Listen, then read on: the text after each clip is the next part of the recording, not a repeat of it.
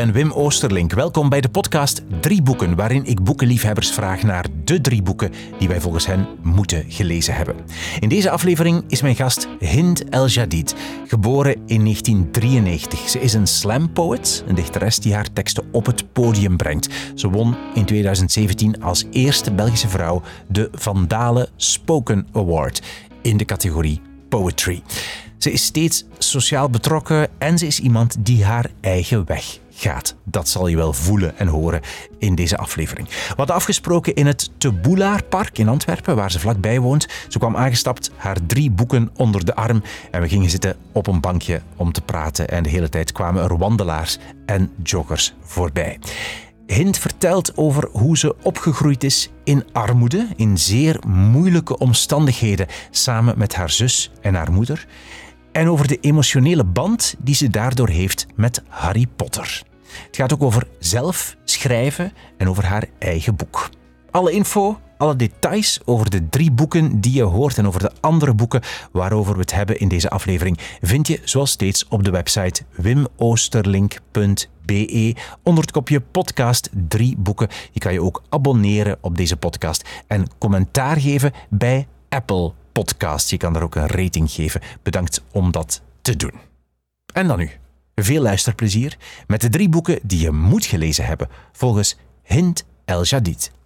Ik hoor het al, ja. Ja, ik hoor, ja, ik hoor de tekst al in mijn hoofd. Dus je schrijft met de cadans van het zeggen in je hoofd? Ja, ja, eigenlijk wel, ja. Ja, ja dat, is, dat is automatisch. Ik hoor al hoe dat gaat klinken, afhankelijk van hoe het ritme van de woorden en zo en hoe de rijm daarin zit.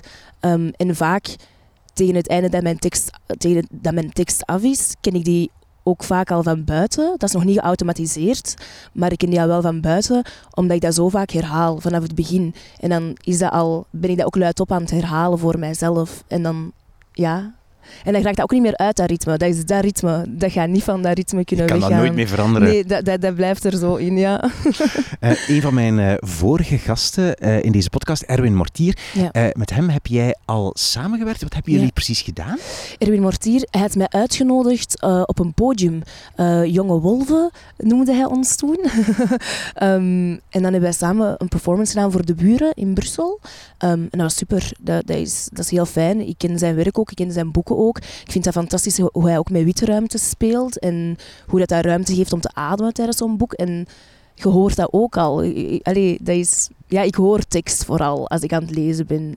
Ja. Ook, je bedoelt, maar bedoel je de gedichten of de romans van Erwin Marti? De romans ook? Ook de romans, ja. ja, ja. Bijvoorbeeld uh, het boek ook over de aftakeling van, van zijn mama, bijvoorbeeld. Um, dat hoor, allee, ja, ik heb dat bij, bij de meeste schrijvers dat ik het al hoor of zo. Ja, Erwin ja. Martier heeft natuurlijk ook een, een, een taal waarbij je zin hebt om de zinnen voor te lezen, ja, gewoon op te lezen. Hè? Voilà, exact. Dat bedoel ik. Je hebt zo de neiging, oh, ik wil die horen en ik wil hem dat mij horen vertellen. En, en ja, voilà. Um, is, dat je, is dat iets wat je altijd al wou doen op een podium staan? Ja, ja, ja ik was echt het, uh, het kind met de borstel voor de spiegel.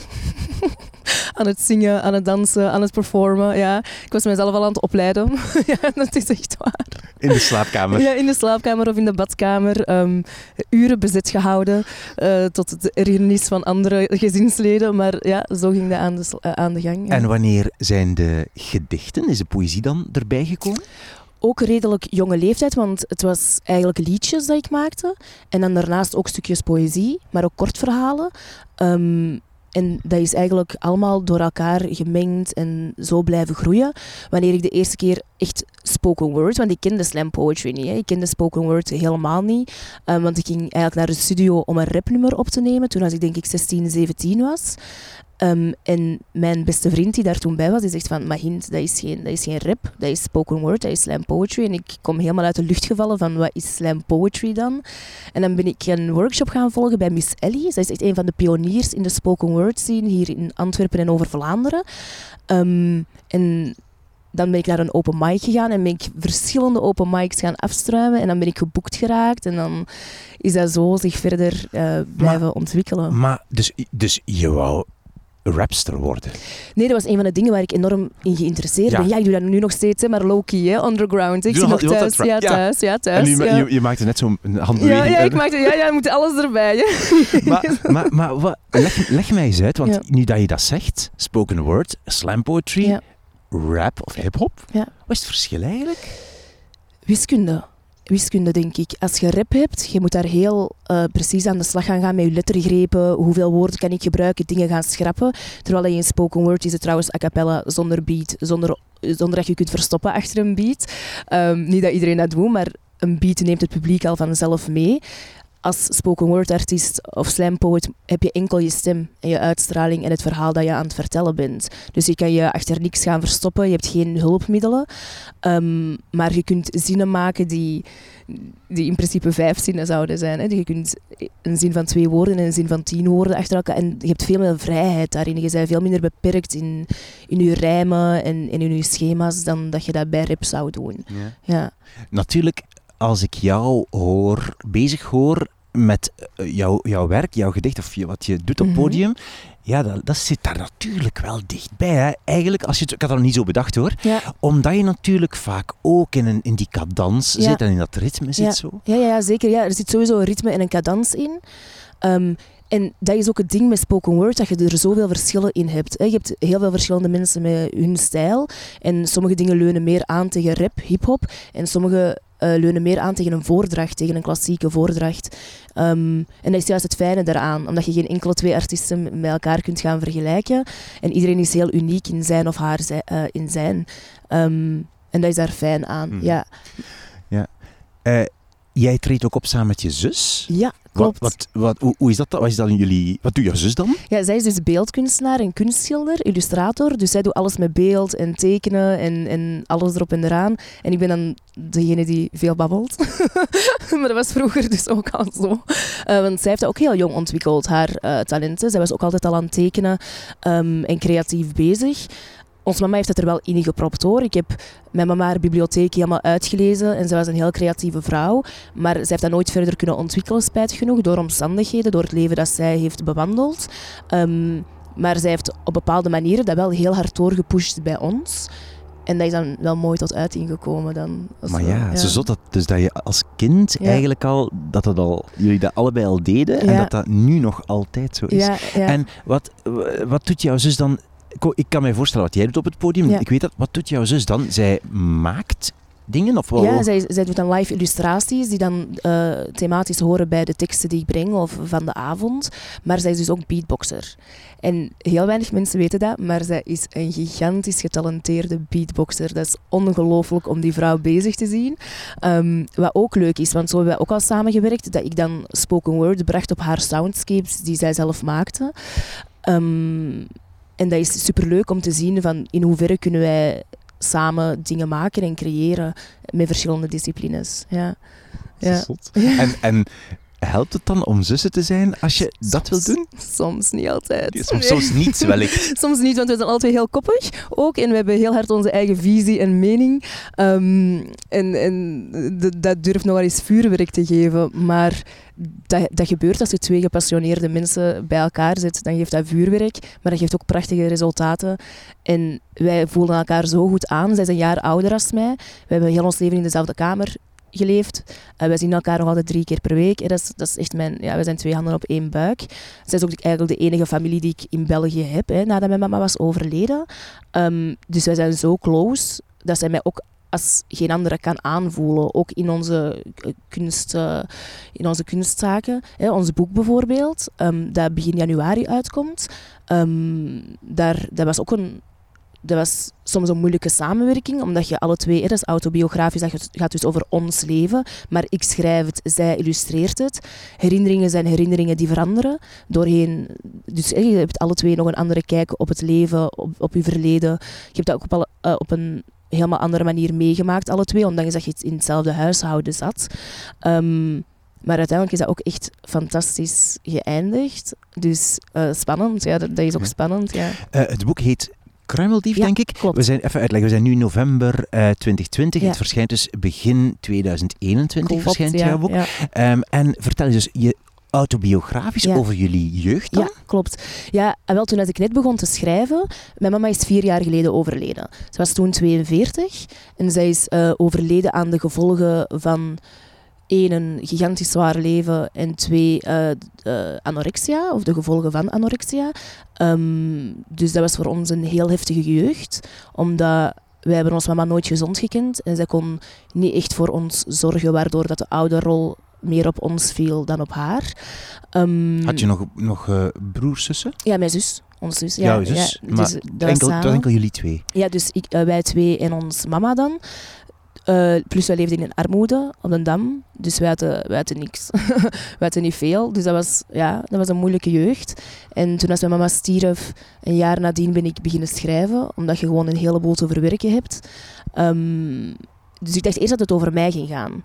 Zo egocentrisch zijn we dan. Hè? Ik ga een boek over mezelf schrijven, maar het gaat over mijn mama. Het gaat volledig over mijn mama en de rol die zij speelde in, on, in onze jeugd. En, en wat dat met ons heeft gedaan. Ja. Oké. Ja. Kruimeldief. Ja. Van jullie samen. Dus Ja, van eigenlijk mij van, jij, zus, ja. jouw zus samen. Ja. Oké, zeg, eh, we gaan het even over jouw drie boeken hebben die Ja. je gekozen hebt. Hè? Yes. Drie boeken waarvan jij vindt dat iedereen ze moet gelezen hebben. Ja. Wat is jouw eerste boek?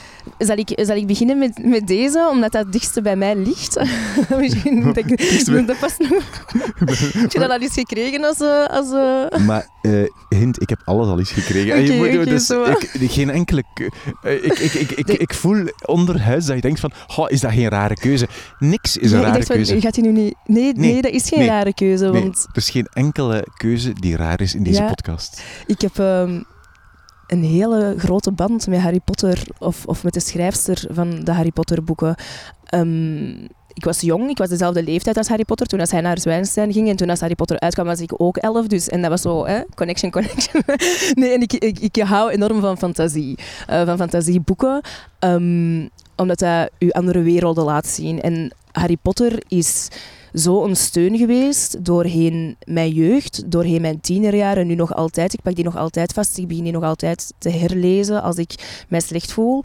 Ehm, en dat neemt mij mee in, in, in een andere wereld. Ehm, alhoewel dat je ook heel veel herkenbaar hebt, herkenbaarheid hebt naar deze realiteit. Hè. De, ehm, de wrijving tussen verschillende mensen, wat maakt u anders? Eh, daardoor worden uitgesloten. Je hebt daar modderbloedjes in, dus mensen van niet geen puur bloed, zal ik maar zeggen. Dus daar is dan ook oorlog voor en al die dingen. Ehm, maar dat is een jongen uit een hele slechte situatie, die dan, allee, of dan te weten komt dat hij speciaal is, dat hij uniek is, hè, dat hij magie heeft, dat hij magie kan beoefenen. En hij bloeit dan helemaal open. Met nog wel andere moeilijkheden natuurlijk, want je hebt mensen die, die hem willen vermoorden.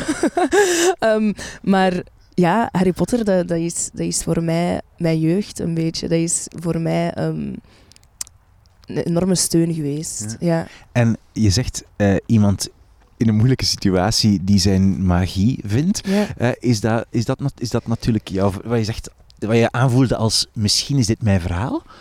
Ergens wel, hè, dat, dat bracht wel herkenbaarheid of zo. Ik voelde mij wel, hè, want hij had dan ook een thui- moeilijke thuissituatie, waar, waar liefde niet van, er was geen sprake van liefde naar hem toe of zo. Eh, maar hij is zelf wel een heel liefdevolle jongen. Ehm, ja, ik denk dat ik zeker wel ergens herkenbaarheid in had. En ik geloof mij vrij, ik geloof nog steeds dat ik ooit een brief ga krijgen van Zwijnstein om er naartoe te gaan. of ik hoop daar nog altijd op. Ehm, Zeg, eh, Ja. je, je, je hebt Harry Potter en de geheime kamer Ja. meegebracht. ja, Waarom kies je het tweede deel en niet het eerste deel van Harry Potters? Omdat de schrijfster daar ook al gegroeid is. Het verhaal is ook al volwassener in het tweede boek. En ehm, met dit boek heb ik zelf herinneringen ehm, dat ook in Kruimeldief zullen voorkomen in mijn eigen boek.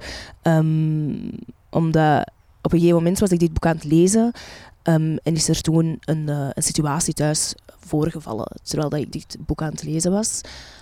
En daarom dat ik het heb gekozen. Ah, ja, ja. En Ja. wat is er toen gebeurd? Kan je daar iets al van zeggen? Ja, dus ik sloot mij altijd op in het toilet. In het toilet.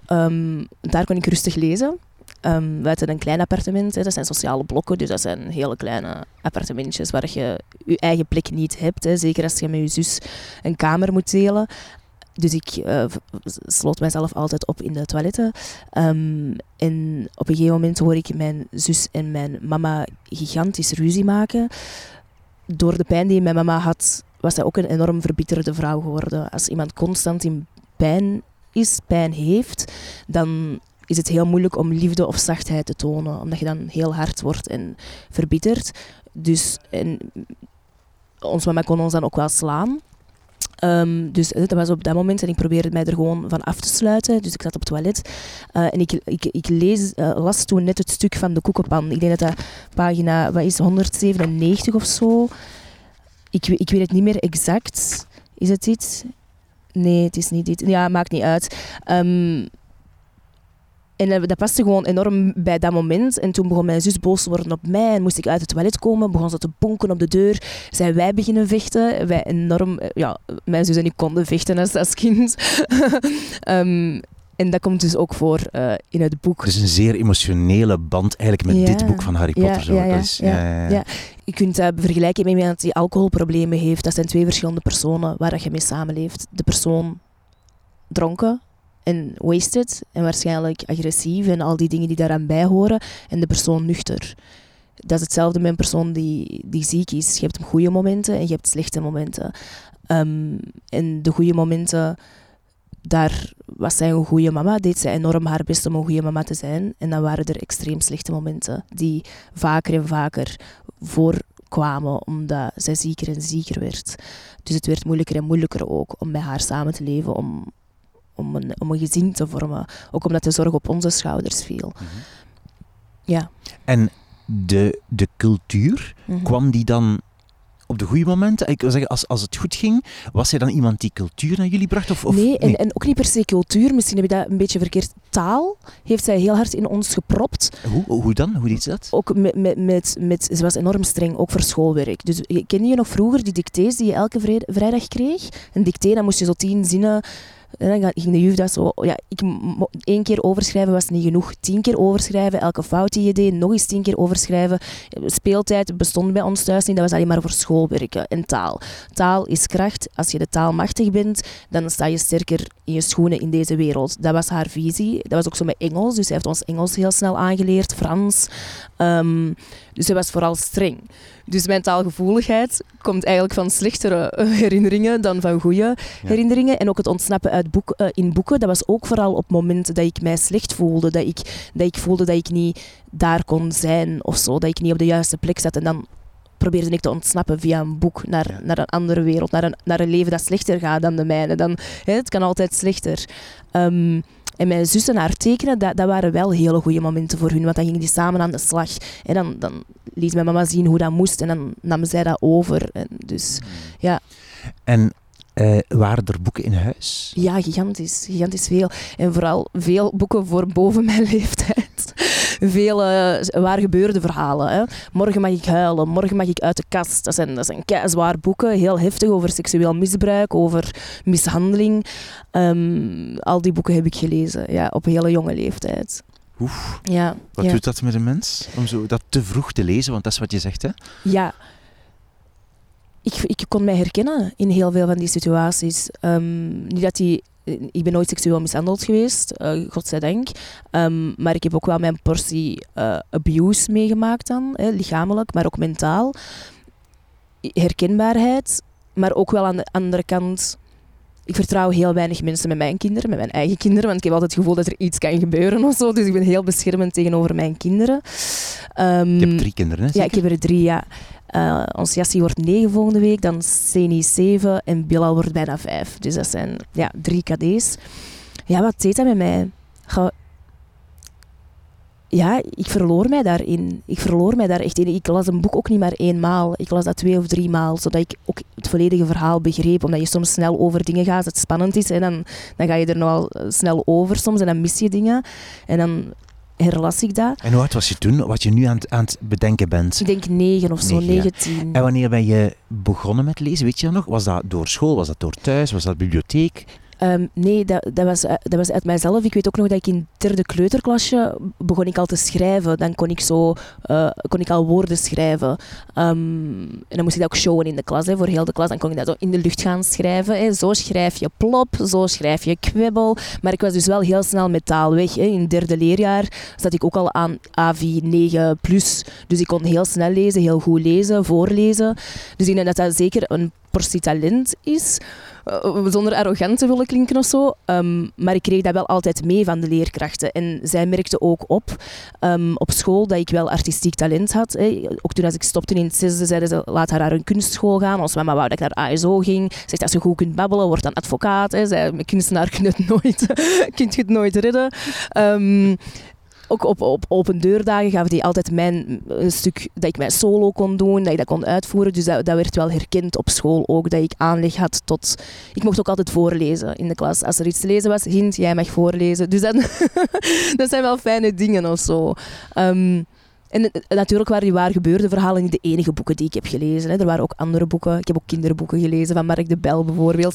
En dan had ik hem vorig jaar, Nacht van de Biep, um, in Limburg, eindelijk ontmoet. En ik zat daar tussen die, want hij ging, hij ging voorlezen en ik moest niet performen op dat moment. Ik zat dus tussen echt een dertigtal kinderen of zo te kijken naar Mark de Bel. Ja, maar echt zo ja te knikken en, en te genieten. En mijn partner die zat zo naast mij te kijken van... maar ik kan daar echt, ja, ik kan daar nog helemaal mijzelf in verliezen en, en, en in op... Prachtig. Zeg, uh, heb je, je, dit is een Nederlandstalige ja. versie van Harry Potter. Je zei daar straks dat je ook uh, in het Engels, dat je ook snel Engels ja. kon. Uh, lees je altijd Nederlands soms ook, of soms ook in het Engels? Soms in het Engels. de laatste drie boeken heb ik in het Engels ook gelezen. Ja. De, van Harry Potter? Van, van Harry Potter. De, ja, zo vriend. Ja, de laatste drie van, van Harry Potter heb ik in het Engels gelezen. En ik kan wel in het Engels lezen, maar ik vind het zoveel fijner om in het Nederlands te lezen. Dat is echt de taal die ik machtig ben. Daar heb ik die ook voor. Um, en dat is bij elke andere taal dat de moedertaal is, moeilijker gewoon. Punt aan de lijn. Ja. Daarom dat vertalingen ook altijd anders zijn en dat je iets, niet altijd iets mist, want je hebt heel goede vertalers, maar het is wel altijd anders. Ja. Hoe ziet jouw boekenkast eruit thuis? Heb je een boekenkast? Ja, ik heb een boekenkast. Ja, ja, ja Wauw, wat een ja. zeer overtuigende. Ja. ja, ja, ja, zeker. Divers divers. Um, er staan kookboeken, fantasieboeken, romans, poëzieboeken, um, maar ook uh, boeken die een maatschappijkritische ondertoon hebben, hè, die zich meer naar de samenleving, uh, et cetera, richten. Ja. En sta, waar, waar staat ze? In, is dat in de, de ik heb een deel in de woonkamer en een deel in, in het bureau. Ja, dus het is, het is gesplitst. Als ik Zoom-meetings moet doen, dan zet ik mijn mooie boeken achter mij. Sowieso. Jij eerlijk zijn. Zo ben ik er al een paar tegengekomen. Ja, inderdaad, heel mooi. En als je, als je leest uh, nu, waar lees je dan het liefst? Doe je dat thuis, in zetel, in bed? Uh, waar, waar, lees je? Hm. Lezen het laatste jaar heb ik heel weinig gelezen, om eerlijk te zijn een paar boeken maar. Um, omdat ik mij ook niet te hard zou beïnvlo laten beïnvloeden door andere schrijvers. Want op het moment dat je andere schrijvers gaat lezen, je kunt zeggen van nee, dat beïnvloedt mij niet. Maar voor, je, ga, voor, zo, voor mijn eigen boek, ja. Omdat ik zo hard in de laatste fase daarvan was, wou ik mij ook niet te hard laten beïnvloeden. Um, maar het liefste van al in bad in bad. Ja, echt zoals in de film. Ik heb heel veel drama in mij, dus dan zet ik kaarsjes klaar en mijn glaasje cava en dan ga ik liggen en schuimen en dan lees ik, ja.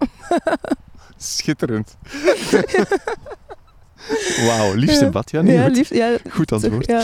Oké, okay, dat was jouw eerste boek, Harry Potter ja. en de geheime kamer van J.K. Rowling natuurlijk. Klopt, klopt. Wat is jouw tweede boek? Um, wel, ik ga Toflof nemen van Dirk Otto.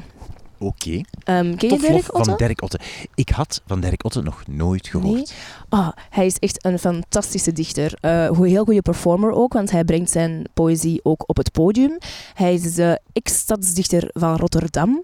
Um, dus nu is iemand anders stadsdichter geworden. Um, en die heeft, die, heeft fantastische, die heeft fantastische poëzie, die heeft fantastische spoken word. Um, ook gewoon hoe dat is afgewerkt. Ja, het is nu... Ja, ik, ik ga, dus het is een, je toont een, een rood boek met een, uh, met een, een dikke kaft. Ja, en dan zo textuur. Met letters daarin. Ja, klopt. Ah ja, sorry, dus, Mike. tussen. Mm. Het is ook gesigneerd. Ja, ja, ja. ja Zometeen ja. meer daarover. het is gesigneerd, ja. En dan, uh, het is ook geïllustreerd. Wauw. Ehm, Wauw. En zijn intro is voor woord, voor woord, voor woord heb ik jullie lief, tot al mijn woorden op zijn mapa. En je kunt heel hard lezen dat hij, dat hij een Hollander is in zijn schrijven. Hè. Ja, gewoon zo in het schrijven, in, in zijn woorden, maar ik denk dat dat iets normaal is. Je bla ze bladert Ehm, nu in het bladert ja, nu door ik ben nu een beetje aan het bladeren. Ja, ja. Ehm, korte, korte versjes Ook precies. heel korte versjes, maar ook volledige, volledige pagina's, Dat zijn dan meer verhalen dit nu. brieven. Ah, brieven. Dit is, dit is een brief voor zijn ouders. Zeg maar, wat een, wat een ezelzoor zeg. Ja, dat, is, dat moet. Je moet. Als je iets goed vindt, dan moet je... En, Zal ik een stukje voorlezen? Ja, graag. Maar wa- leg even eerst uit, want wat, wat, betekent, wat betekent het oor dat Voor het zo goed is? Ja, dat ik dat nog eens moet lezen. Ah, en nog eens, ja. ja, ja. Ja, lees even iets voor. Ik zal, ik zal het laatste, eh, de laatste alinea lezen. Sinds ik ben gestopt met zoeken naar dat wat er ontbrak, geniet ik dubbel en dwars van wat er is. Sinds zij niet meer hoopte op iets dat toch niet komen zou, zien ze mij voor wie ik ben. Dat helpt ook. Omstandigheden en omgeving in ogenschouw nemend, hebben ze het met opvoeden ongelooflijk goed gedaan. Sterker nog, ik ga nooit kunnen doen wat ze voor mij hebben gedaan. Sterker nog, ik denk niet dat ik ooit in staat ga zijn mijn kinderen hetzelfde te geven. Sterker nog, er is één gedachte die ik niet durf te denken, één realiteit die ik niet erken. Omdat hij de hemel en zij de zon, omdat lucht en licht verdwijnen op de dag dat ik hen ga moeten missen. Ja, Mooi. het is echt een heel mooi boek. Ja, Ja, het is echt een super mooi En gaat boek. het, is, is het thema zijn ouders dan helemaal of niet? Niet volledig, want hij schrijft ook over zijn, over zijn lief.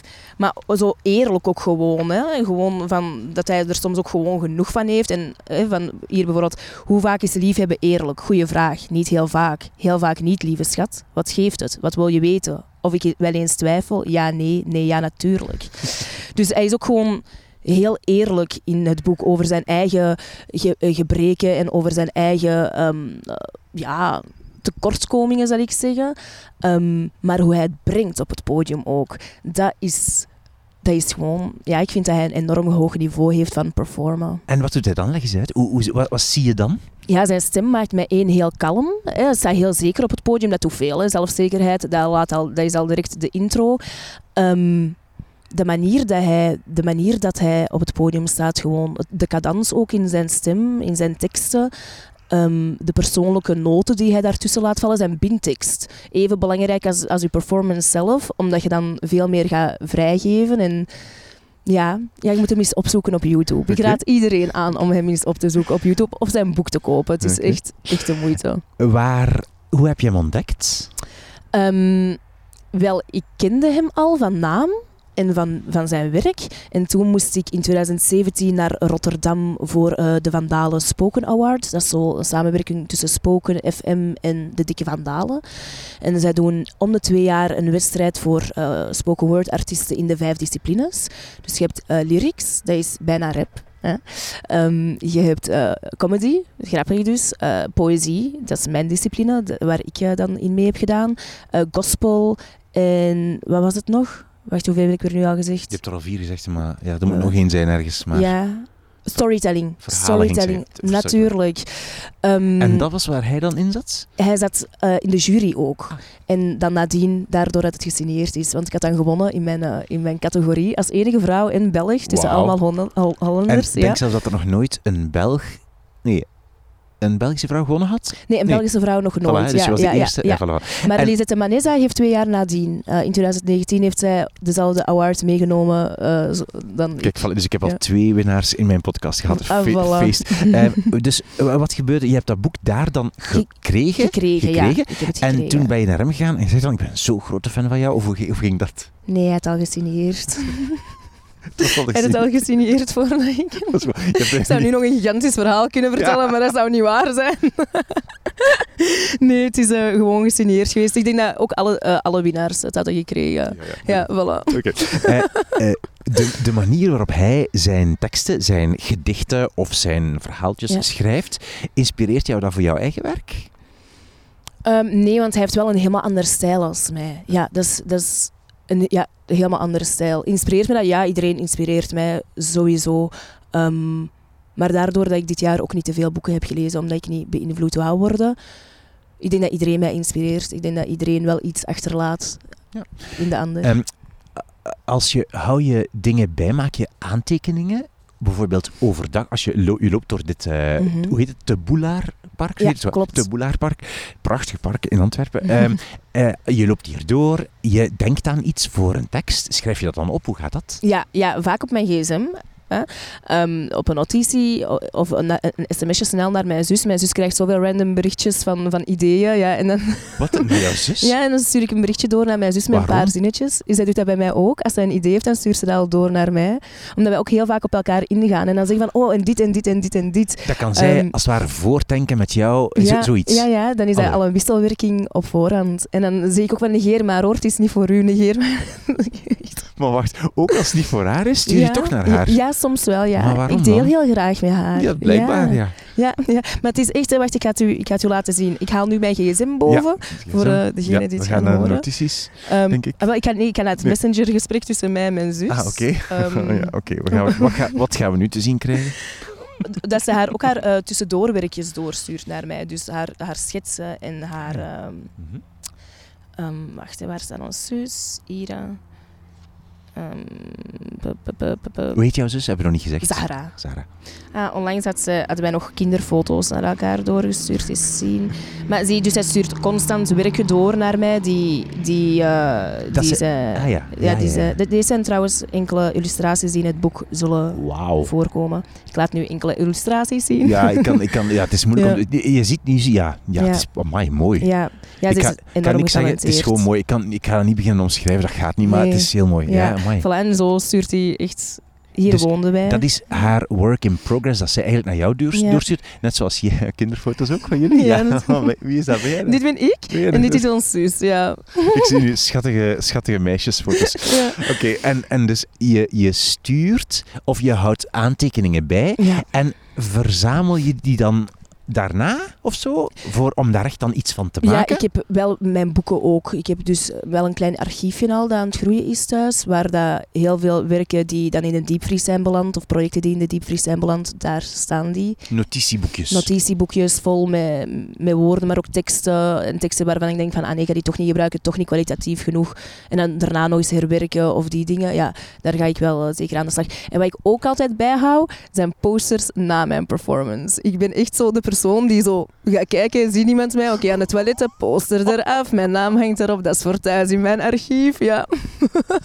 Ik, had mag. zo, ik had zo, in oktober had ik de première van het theaterstuk Phenomenal Woman, eh, gemaakt met Nira Hens en Jawad Aloul, eh, in samenwerking met een Arenberg. En je hebt zo van die gigantische plakaten die ze dan klaarzetten voor de promo. Dus na, na de laatste performance ben ik er langs gereden. Ik heb dat eruit zitten duwen met mijn partner.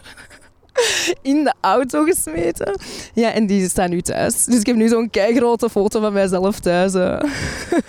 Mooi. Dus ik hou wel het een en het ander bij. Ja, blijkbaar.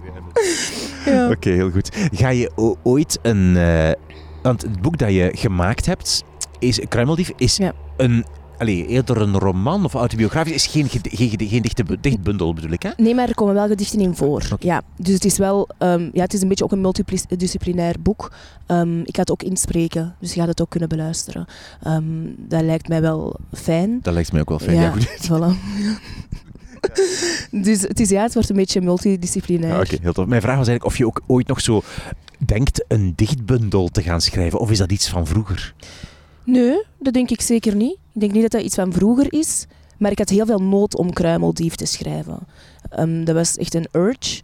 Ehm, ja, maar dan moet het spoken word gaan vertalen naar papier is weer helemaal anders. Dat is, dat is niet simpel altijd, want het is gesproken woord. En soms is dat helemaal niet zo mooi op papier. Ehm, en ook andersom.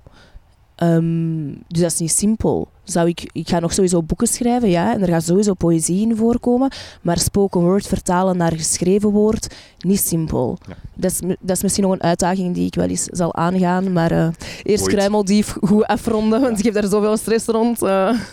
Waar heb je stress rond? ik ben kei zenuwachtig. Waarom? Ja, ik, ik weet het niet, dat is mijn eerste Maar- boek. Wacht, eh, zenuwachtig of hoe de reacties gaan zijn, of het, of, of het goed genoeg is, of het goed gaat werken. Waar, waar ben je zenuwachtig voor? Ik denk, het totale plaatje. Eén, het is mijn eerste boek, dus sowieso de reacties. Ik denk dat iedereen altijd bang is van de reacties. Maar het is ook mijn eigen verhaal. Ehm, en dat maakt het altijd een beetje echt, ik heb vijf keer gedacht van nee, ik ga dit boek niet uitbrengen, want dit is, dit, persoonlijk. misschien is dit te persoonlijk. Hè? Mijn mama is ook gestorven. Zou ik dit mogen vertellen van mama? ehm, is dit wel? Hè? Dus al die dingen. En dan uiteindelijk heb ik gezegd van nee, ik moet dit echt doen, want dit is ook voor mij. Dit is niet... ehm, dit is zeker ook voor mijn mama en het is zeker ook een eerbetoon. Het is helemaal niet dat ik haar daar ga kleineren of zo in het boek. Ik ben gewoon eerlijk over wat er is gebeurd. En omstandigheden doen dingen met mensen. Daar, daar kunnen wij allemaal niks aan doen. We doen allemaal, ook als ouderen, ik heb ook al mijn, mijn fouten gemaakt hè, met mijn kinderen natuurlijk. Ehm, waardoor ik mijzelf wel heb overtuigd van nee, ik wil dit boek schrijven en uitgebracht hebben. Ehm, en ik ga daar trots op zijn. Ik ben daar nu al trots op. Maar het is nog altijd wel... Het is mijn eerste boek, hè. Het is- mijn eerste boek, hè. Ik denk dat dat gewoon dat feit, mijn eerste boek. Dat is Ja. niet zo raar. Jouw, jouw tweede boek in deze podcast, drie boeken, was Ja. eh, Dirk Otte. Otte met Toflof. Yes, niet Tough. Love, maar Nee, Toflof. Echt zo Ja. of lof. Ja. Wat is jouw derde boek? Mijn derde boek is eh, Zonder het licht te breken van Amina Belorf. Ehm, dat is geen dik boek, maar het zegt wel alles. En dit is wel een dichte bundel. Dus het is zeker niet meer... Het, is nog maar... Het is nog niet zo heel lang uitgebracht. Ik denk dat het nu bijna een jaar is. Wanneer heeft ze dat uitgebracht? Ja, toen is corona begonnen, Germe. Dus dat was heel moeilijk voor haar met boekpresentaties en al die dingen. En het gaat ehm, over... ehm, want hoeveelste generatie is zij hier? Ik denk tweede of derde generatie. Hè? Want haar vader is dan hier gekomen, eh, ook in hè, de mijnen te werken. Ze beschrijft het station van aankomst. Hè? Ehm, het is een heel mooi boek. Het gaat echt over de verschillende generaties die hier zijn van migranten. Ehm, en dat kwam dan weer heel dicht bij mij, hè, want mijn vader is hier ook gekomen. Ik ben tweede generatie hier. Ehm, hij heeft dan heel hard gewerkt hier. Ehm, hij woont hier nog altijd trouwens, mijn vader. Hè. In, in, in België, in Hoboken woont hij. Ehm, dus daarom... Oei, sorry Amina. Het boek is gevallen. Dus sorry. rond tussen de bladeren. Maar dus ik heb het gevoel dat je haar kent. Ehm, ik ken haar eh, naam. Ik ken haar naam. Ik ken haar niet persoonlijk. We hebben al wel een paar keer contact gehad, maar we hebben zelfs nog nooit, zoals, zoals ik hier met u zit, zo hebben wij nog nooit eh, samengezeten. Ehm, maar ik vind haar wel een enorm goede slam poet eh, en, en, en dichteres. Ehm, hoe ze de dingen vertaalt. Zal ik iets voorlezen van haar? Ja, dat graag. Ik ben aan het bladeren. Brief aan mijn vader, zo Ja, begint het. een stuk van voorlezen? Dat is Ja. misschien wel fijn, want dat is de intro, dan zijn mensen mee. Vader, ik ben weer op de plek waar je voet zette op Antwerpse bodem. La Gare, jouw station. Ik voel de magie van komen en gaan. Die immense hal met marmeren zuilen vol haastige mensen op weg naar de drukke grote stad. Ik neem de roltrappen, speur de perrons af op zoek naar voetsporen die op de jouwe lijken. Ik zie de contouren van wie je had kunnen zijn. Duw je weg. Vraag me af of ik het ooit zal kunnen begrijpen. Of ooit een vraag minder een antwoord meer. De stilte verhardt de knoop in mijn maag. Woorden zitten vastgeroest in je keel. Er ligt een verhaal op je lippen. 1966. De bloeiende Belgische economie trekt arbeidskrachten aan in de mijnen en de industrie. Men recru, eh, uit Italië, Spanje en Griekenland. Amai. Later ook uit Marokko. Jij hebt de keuring feilloos doorstaan. Een gezonde jonge man. Ik zie je voor me, met je scherpe kaaklijn en je haren strak naar achter gekamd. Statig, uitgedost in een pak met das. In het Frans pratend met de conducteur. Je kijkt rond, neemt alles in je op, nog zonder te beseffen dat dit het begin is van een lange, lange reis. Ja. Voilà. En dit is nu een stukje proza, maar kijk eens verder. Is dat- De rest is gedichten dan. Ja, de rest is eh, poetry, poëzie. Ja, voilà, daar hebben ze gedichten. Zal ik daar ja. ook een stukje van voorlezen? Migrant. Altijd onderweg. Met 300.029 en een halve tussenstap. Pendel je van land naar land met enkel thuis in je hart. Men zegt wel eens dat thuis daar is waar je hart ligt. Maar is je ziel ooit thuis geweest? Hebben je voeten de grond geraakt, de aarde gevoeld, het veld verkend? Soms word ik wakker in een slachtveld. Van dromen zonder doel en tranen van bloed, die tafellaken kleuren. Hoe uitgestorven en verlaten het dorp ook moet zijn geweest. Je ogen zwijgen zoveel meer dan het dragen onderweg. Ja, mooi hè? Ja, heel mooi. Ja. Ik lees het nu in mijn eigen dingen voor. Hè. Ik heb het haar nog nooit horen voorlezen. Ja, Ja, inderdaad. Ehm, wil jij ook een activiste zijn? Nee, maar ik denk dat ik dat zonder keuze wel ben. Of zo. Ehm, hè, dus je weet nu iets meer over mijn achtergrond. En de manier dat ik ben opgegroeid, denk ik dat ik weinig keuze had dan, dan ehm, te vechten voor mensen die zich in precaire situaties bevinden. Omdat ik dat ook had gewild, dat iemand dat voor mij had gedaan of zo. Snap je wat ik daar Heb je dat gemist, bedoel je? Ik Heb daar niks van gemerkt, alleszins. Dat Nee. iemand, het zal wel, het zal wel. Het zal vol, vol met activisten. Vorige generaties zeker en vast. Maar heb ik daar iets van gemerkt als kind in armoede, in een heel moeilijke thuissituatie? Nee. Ehm, merken kinderen daar nu van, iets van dat ik activistisch ben? Nee, waarschijnlijk ook niet. Hè.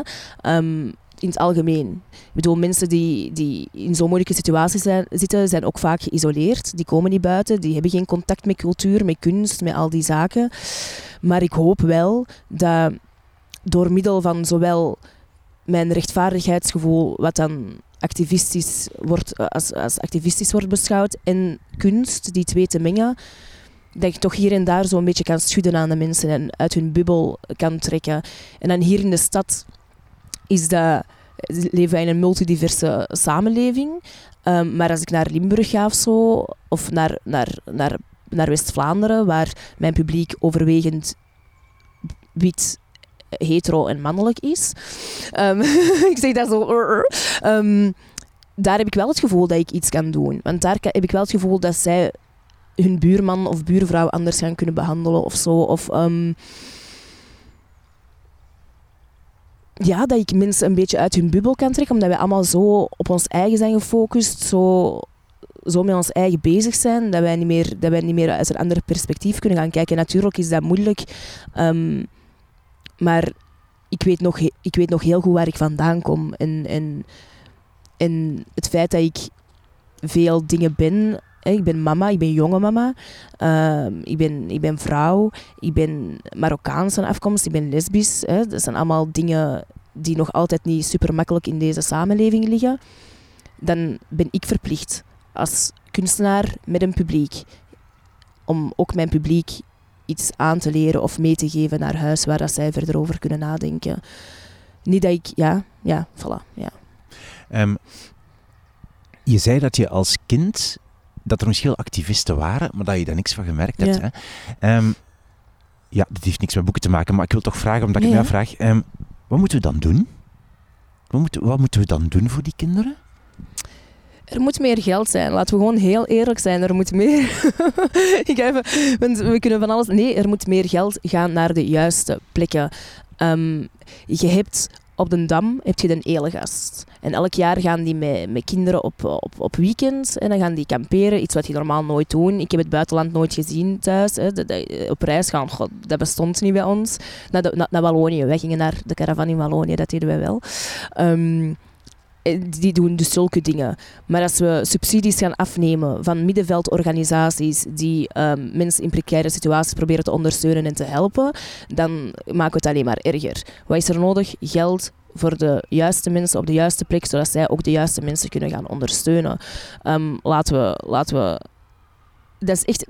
Ik denk, als armoede uit de wereld zou zijn, dan zouden wij over het algemeen veel, veel minder problemen hebben. Dan zou er minder criminaliteit zijn. Waarom gaan mensen naar criminaliteit? Omdat ze op geen enkele andere manier eh, iets, iets eh, zie, een kans zien om geld te verdienen, om hun, kinderen te voeden, om, om, om kledij te kopen, om te kunnen meedraaien in deze samenleving. Als je geen geld hebt, kun je niks doen in deze samenleving. Alles kost geld, niks is gratis. Ja, je kunt naar de biep voor een uurtje, en, maar plus hun eigen zelfbeeld ook nog eens. Ehm, ik ging naar school aan de andere kant van, de, van Antwerpen-Noord in Merksem, wat toen nog ook middenklasse blank was vooral. Ik denk dat wij met vijf Marokkaanse jongeren op die school zaten, kinderen, dat was lagere school, kinderen. Ehm, waardoor je je direct anders voelt. We hadden ook geen geld, dus mijn kleren zagen er anders uit. Ehm, als het kerst was, zij namen kerstkaartjes mee en van, scho- eh, van, van thuis naar school. Super mooi, van Meet You beertjes, alles erop en eraan. Ik maakte thuis mijn kaartjes zelfs, eh, zelf op papiertjes, waardoor andere kinderen dat eigenlijk niet wouden. Nee, dank u, zulke zaken. Ehm, dus dat begint al heel vroeg, dat minderwaardigheidsgevoel. Ehm, en daar moeten we iets aan kunnen doen, want daardoor blijft dat ook in visieuze cirkels. Als je zelf het gevoel niet hebt dat je meer waard bent dan in de situatie waar je bent opgegroeid of waar je in balans bent geraakt, omwille ook van de samenleving waar je in zit, ja, dan ligt het aan de samenleving. Ehm, en we zijn rijk genoeg om, om- ja, ik vind, dat, ik, vind dat zo, ik vind het zo een gezever meestal. Je moet gewoon geld naar de juiste plekken, naar de juiste mensen. En dan gaat er al veel meer gelijkheid zijn tussen de verschillende lagen in de samenleving. Ja. Lees je soms non-fictie? Non-fictie? Ja? Ja, ja. ja. Wa- Wat voor? Kan je iets Ehm, noemen? Of, eh? Wacht, ik ben even aan het denken. Omdat je, ik, zeg, ik vraag het omdat je eigenlijk drie ehm, fictie, of ja, fictie, poëzie dingen kiest. Ja, ja, maar deze is wel heel hard non-fictie. Dit is wel heel hard haar eigen verhaal van Ah. Amina. Dat gaat echt over haar papa. Ehm, en ook po- poëzie is vaak non-fictie. Om- Ah, vind je dat? Ja, ik vind dat wel zeker als je gaat kijken naar, naar spoken word en zo. Ja, ik ben er ik ben nu luid op aan het nadenken. Hè? Dat is, je bedoelt denk ik zo autobiografisch eigenlijk, hè, zo? Maar dat is natuurlijk, kan natuurlijk wel non-fictie zijn, ja. Ja, Ja, ja, omdat dat wel realiteit is. Ja. En in het nu. ja het zijn geen verzonnen Het verhaaltjes. zijn- nee, het is geen, het is geen fantasieverhaal, zoals Harry Potter Ja. of zo. Kent je trouwens, iets kei anders, kent je trouwens eh, het verhaal van J.K. Rowling zelf, de schrijfster van Harry Potter? Dat die zo het heel moeilijk had Ja. om dat aan de, aan de bak te komen en zo. Nee, nee, nee. nee. Dus daarvoor. Hè, dus dat, dat, die was getrouwd met een man, ehm, een kind gekregen. Die man die heeft haar mishandeld. Dus hij zat in een gigantisch moeilijke situatie ook. Ehm, en ja, het boek was moeilijk aan de man te brengen. Want elke uitgever, ja, kinderboeken, dat verkoopt niet goed, bla bla bla. Uiteindelijk hè, is die vrouw een van de rijkste schrijvers ter wereld geworden. Ehm, maar zij kwam uit een heel moeilijke situatie. En zij, ging dan, zij kocht dan één koffietje in een bar, in een koffiebar. En daar bleef ze dan de hele dag zitten om te schrijven. Ehm, ja, die kwam ook uit een hele moeilijke, uit een heel moeilijke situatie. Uit Ook een voorbeeld. huwelijk. Ja, Ja, ja, zeker ja. wel, zeker wel. Ja. Is mooi. Er is een film ook over haar leven gemaakt. Dus, eh, ja. Zou jij jouw drie boeken nog eens willen herhalen, ja, alsjeblieft? zeker. Dus één, Eh, Harry Potter en de geheime kamer van J.K. Rowling. Love van Dirk Otte. En Zonder het licht te breken van Amina Belorf. En zeker alle drie aanraders ehm, op en top. Ja, drie heel verschillende boeken. Ja. Ehm, ook al zijn twee poëtisch, het zijn twee verschillende boeken. Ja. dankjewel. En Heel heel veel succes met alles wat je doet. Dankjewel, dankjewel voor dit gesprek.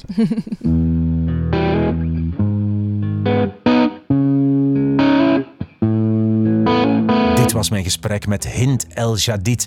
Toen ik thuis kwam, na het gesprek, zat er een berichtje in mijn mailbox van Inge. Inge schreef dat ze aan het joggen was in het Te Park in Antwerpen met de aflevering van Annelies Moons van deze podcast in haar oren. En dat ze toen plots ons zag zitten en meteen dus de toekomstige aflevering van drie boeken voor zich zag opgenomen worden. Wel, Inge, voilà. Dit was ze. Als je zelf ook geniet van deze podcast, laat dan even aan twee bevriende boekenliefhebbers weten dat ze ook naar deze podcast moeten luisteren. En toon hen misschien hoe ze dat moeten doen op hun telefoon of hun computer. De naam van de podcast wordt in letters geschreven. Drie boeken in letters. Je doet mij ook een plezier met een recensie achter te laten bij Apple Podcast. Daar kan je ook sterren geven. Alles wat je gehoord hebt in deze aflevering vind je met links en al op de website wimoosterlink.be onder het kopje podcast. Drie boeken, dat zijn de show notes bij deze aflevering.